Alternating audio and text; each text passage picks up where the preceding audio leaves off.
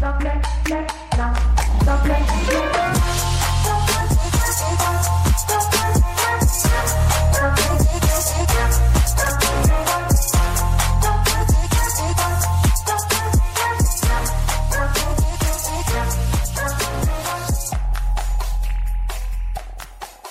kamu semua lagi dengerin Top to Talk Podcast untuk episode ketiga.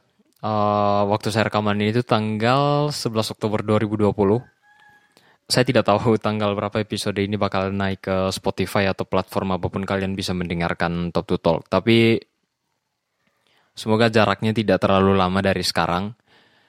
Uh, cukup menyenangkan untuk bisa podcastan lagi karena terakhir kali mainan podcast itu sekitar Maret atau April kemarin dan itu sudah ya 6 5 bulan berlalu. Jadi Top to Talk ini kayak podcast yang tidak niat gitu kan mau dilanjutkan tapi saya sendiri tidak tahu itu mau mau diapakan podcast ini mau dibawa ke mana. Oh makin ke sini juga makin malas untuk menulis materi podcast. Kadang-kadang sampai berpikir uh, ya manfaat-manfaat apa gitu yang kamu bisa dapat dari terus bikin podcast gitu. Tapi hmm, ternyata makin ke sini makin banyak barang di kepala yang harus dikeluarkan, makin banyak keresahan, makin banyak unek-unek yang kayaknya harus harus dikasih keluar gitu dari kepala. Harusnya bisa sih cerita dengan orang lain gitu dengan dengan teman-teman setongkrongan gitu. Cuman kayak ya, makin ke sini uh, lingkungan pertemanan itu apa ya? Semua orang sedang berusaha untuk membanding-bandingkan masalah yang satu dengan masalah yang lain gitu kan. Ya masa lalu begini gitu masih mending gitu. Saya kemarin begini-begini jauh lebih parah ya. Pokoknya semua orang berusaha untuk menjadi yang paling menderita lah dari orang lain gitu. Jadinya ya lingkungan pertemanan makin makin bersaing gitu. Siapa yang paling kuat dengan penderitanya masing-masing ya. Ya entahlah pencapaian atau kebanggaan apa yang kamu bisa dapat dari menjadi yang lebih menderita dari orang lain. Oh, tapi ini yang bikin saya sebenarnya malas uh, untuk uh, bercerita tentang ya ada ada beberapa keresahan-keresahan yang memang kita tidak bisa bawa ke tongkrongan gitu kan agak agak susah untuk menemukan frekuensi yang sama di situ um, ya lingkaran pertemanan yang makin kecil ternyata makin tua itu makin berguna gitu. Karena kamu tidak butuh teman-teman yang cuma ada buat pamer atau pas lagi senengnya doang gitu. Dan uh, makin ke sini makin makin berumur gitu kan. Makin punya kedalaman uh, kamu mulai bisa mengeliminir gitu uh, pertemanan seperti apa yang kamu harus ada di situ. Dan mengeliminir bentuk-bentuk pertemanan atau orang-orang yang memang tidak ada kontribusinya gitu di hidup. Memang cuma ada buat jadi cameo doang gitu kan. Makin ke sini tuh eh, kita tidak butuh orang-orang seperti ini. Kita butuh satu dua orang tiga orang gitu. ya, yang bisa benar-benar jadi supporting system. Yang lain itu ya cukup untuk bersenang-senang saja. Uh, by the way saya rekaman ini sudah di Ruteng sudah hari ketiga atau hari keempat. Dan selama dua bulan terakhir itu sudah mulai bersiaran. Uh, adalah salah satu stadion uh, stadion lagi ya Allah. Stasiun radio lokal di Ruteng. Uh, sayangnya radio ini tuh masih uh, belum bersiaran streaming, jadi uh, lingkup pendengarnya itu masih masih sangat terbatas, masih sempit sekali. Jadi ya semoga bisa bisa tahun depan bisa siaran streaming. Cukup seru gitu uh, ada di industri media kayak radio, kayak TV atau kayak koran gitu ya terutama media-media lokal ya uh, salah satu yang bikin uh, ada di lingkungan itu cukup seru adalah menyelamatkan masa depan media dari pokoknya beginilah mm, media-media kayak TV dan radio itu adalah media-media yang orang sudah bisa prediksi kalau dalam beberapa tahun lagi tuh media-media konvensional kayak TV radio ini tuh bakal mati gitu. Jadi orang-orang yang ada di industri ini itu sedang berusaha untuk uh, menyelamatkan masa depan media-media ini gitu. Maksudnya kayak seberapa mungkin kamu bisa bertahan di tengah gempuran uh, apa ya media-media streaming yang makin banyak dan lebih lebih lebih menjanjikan gitu. Maksudnya kayak dia punya tawaran yang jauh lebih variatif gitu untuk kamu konsumsi. Kalau TV konvensional, kalau proses digitalisasi kita masih ruwet prosesnya, undang-undang tidak direvisi, ya bisa kalah lebih cepat sih dari YouTube atau Netflix itu radio itu malah bisa kalah lebih cepat lagi dari podcast beginian. Jadi saya sebenarnya sedang membunuh radio sendiri. Uh, tidak, tidak, tidak, tidak seperti itu. Tidak seperti itu logikanya. Uh, sepertinya akan cukup seru untuk bahas tentang uh, radio dan TV ini sih, kayak bikin satu episode sendiri.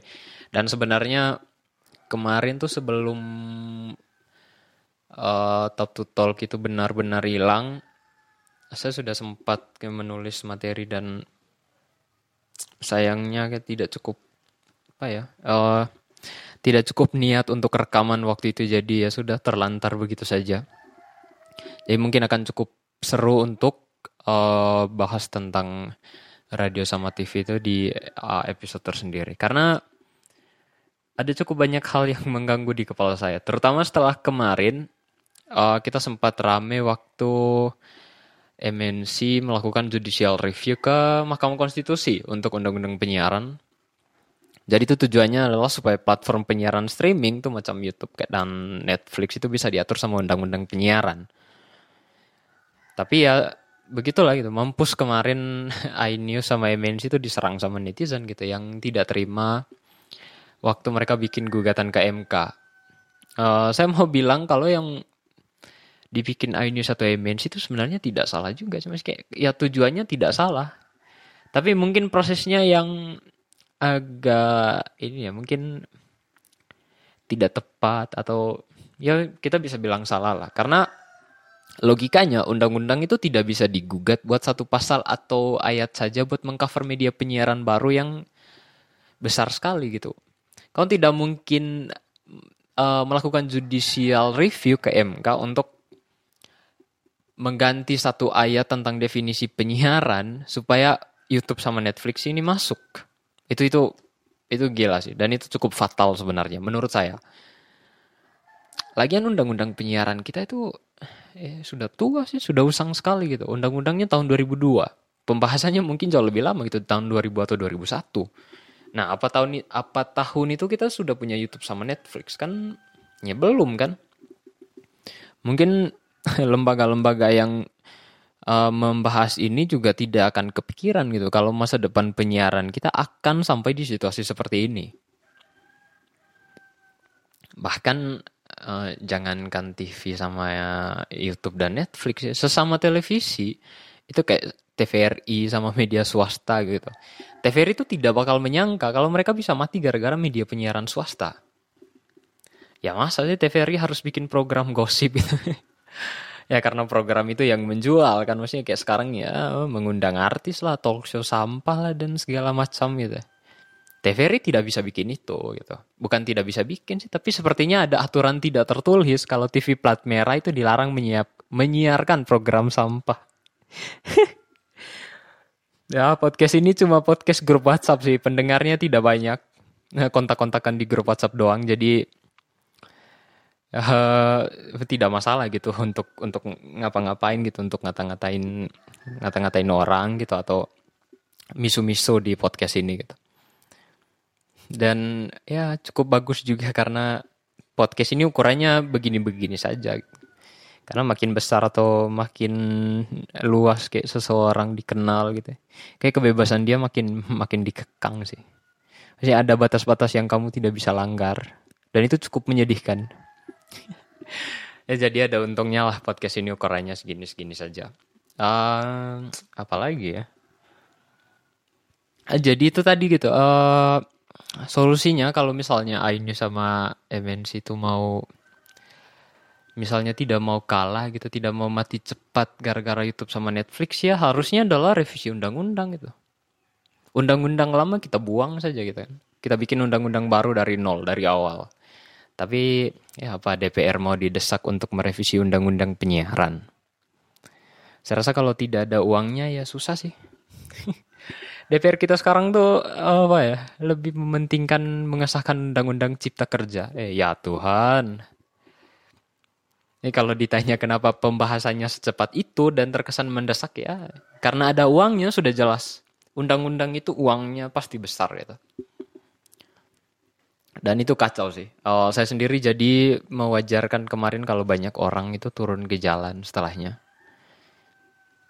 Ya kalau kamu bikin kerusuhan, bakar-bakar apa, harus bentrok dan segala macam, uh, saya jadi bisa mengerti gitu alasan-alasan kenapa semua orang jadi jadi turun ke jalan dan jadi sangat barbar gitu di jalan. Ya nantilah, kayaknya ini juga satu poin yang cukup menyenangkan untuk uh, dibahas di satu episode Top to Talk nanti. Uh, beberapa minggu ini tuh cukup banyak uh, kekacauan, cukup banyak chaos. Kemarin kita rame undang-undang cipta kerja. Mundur lagi ke belakang, Liga 1 ditunda tapi pilkada jalan terus. Terus Oh salah satu yang rame juga itu wawancara kursi kosongnya Mata Najwa. Itu itu itu cukup cukup uh, menarik perhatian. Apalagi ya, ada cukup banyak sebenarnya. Jadi kalau kita ikuti itu uh, kita bisa bilang negara ini lagi kacau-kacaunya gitu. Lagi chaos. Dan itu kenapa uh, kalau kamu bilang kamu benci dengan pemerintah dan segala kekacauan yang sedang terjadi sekarang, saran saya sih kamu buka TV deh mending. Ya, kamu buka TV, buka YouTube dan nonton berita yang terjadi sekarang tapi dengan sikap yang skeptis. Banyak setiap kali pemerintah atau pejabat itu ngomong skeptis gitu, jangan mudah percaya, seriusan. Di situasi seperti ini tuh punya sikap skeptis terhadap uh, sesuatu itu ya. Penting untuk ketahanan diri sih. Kalau kamu tidak skeptis sama orang, sama sesuatu yang lagi terjadi tuh, hmm, kamu bakalan susah survive gitu. Maksudnya cuman bisa ikut arus orang gitu, orang membawa kamu ke mana dan kamu cuma bisa ikut. Uh, perbanyak baca, hmm, banyak nonton berita, baca berita dari banyak sumber. Jangan cuma satu doang, serius. Dan jangan mudah percaya sama gagasan orang lain. Karena kalau kamu punya cukup banyak bahan untuk kamu baca, kamu nonton cukup banyak uh, bahan tentang satu topik gitu kamu jadi punya kedalaman gitu untuk setiap political stand yang bakal kamu ambil. Nah, kalau kamu malas dan berhenti lihat berita di televisi atau baca berita di platform media mana gitu. Menurut saya salah sih karena kamu bisa jadi orang-orang yang tertinggal gitu. Atau mungkin kalau misalnya masuk dalam arus apa ya, misal political stand agak susah gitu. Kamu cuma bakal jadi orang-orang yang uh, ikut arus sih. Maksudnya kayak orang membawa kamu ke mana kamu akan ikut. Sama kayak kemarin gitu beberapa cukup banyak orang yang turun ke jalan tapi mereka tidak tahu gitu. Mereka turun ke jalan untuk apa itu itu cukup menyedihkan walaupun sebenarnya itu juga adalah efek domino gitu. Cukup ribet cukup ribet menjelaskan itu. Jadi men kamu harus skeptis. Uh, jangan matikan TV di rumah. Dan pertarungan-pertarungan untuk political stand ini salah satunya adalah di grup WA keluarga. Pastikan kamu adalah orang yang memfilter grup WA kamu cukup bersih dari informasi hoax dan segala macamnya. Karena uh, di grup WA keluarga tuh orang tua kayaknya tidak punya filter sih terhadap informasi-informasi mana yang betul, mana yang hoax dan segala macamnya. Um, sebelum selesai saya mau bilang mungkin podcast ini akan naik lebih rutin mulai sekarang, tapi uh, durasinya tidak akan terlalu lama. Saya mungkin akan lebih banyak monolog gitu daripada jadi kesulitan sendiri buat ngajakin orang gitu. Mungkin akan ada, tapi entahlah akan jadi seperti apa. Informasi ini tidak terlalu penting, tapi saya mau bilang cukup menyenangkan untuk bisa menyapa kalian semua kali ini. Sampai ketemu di Top to Talk Podcast episode selanjutnya.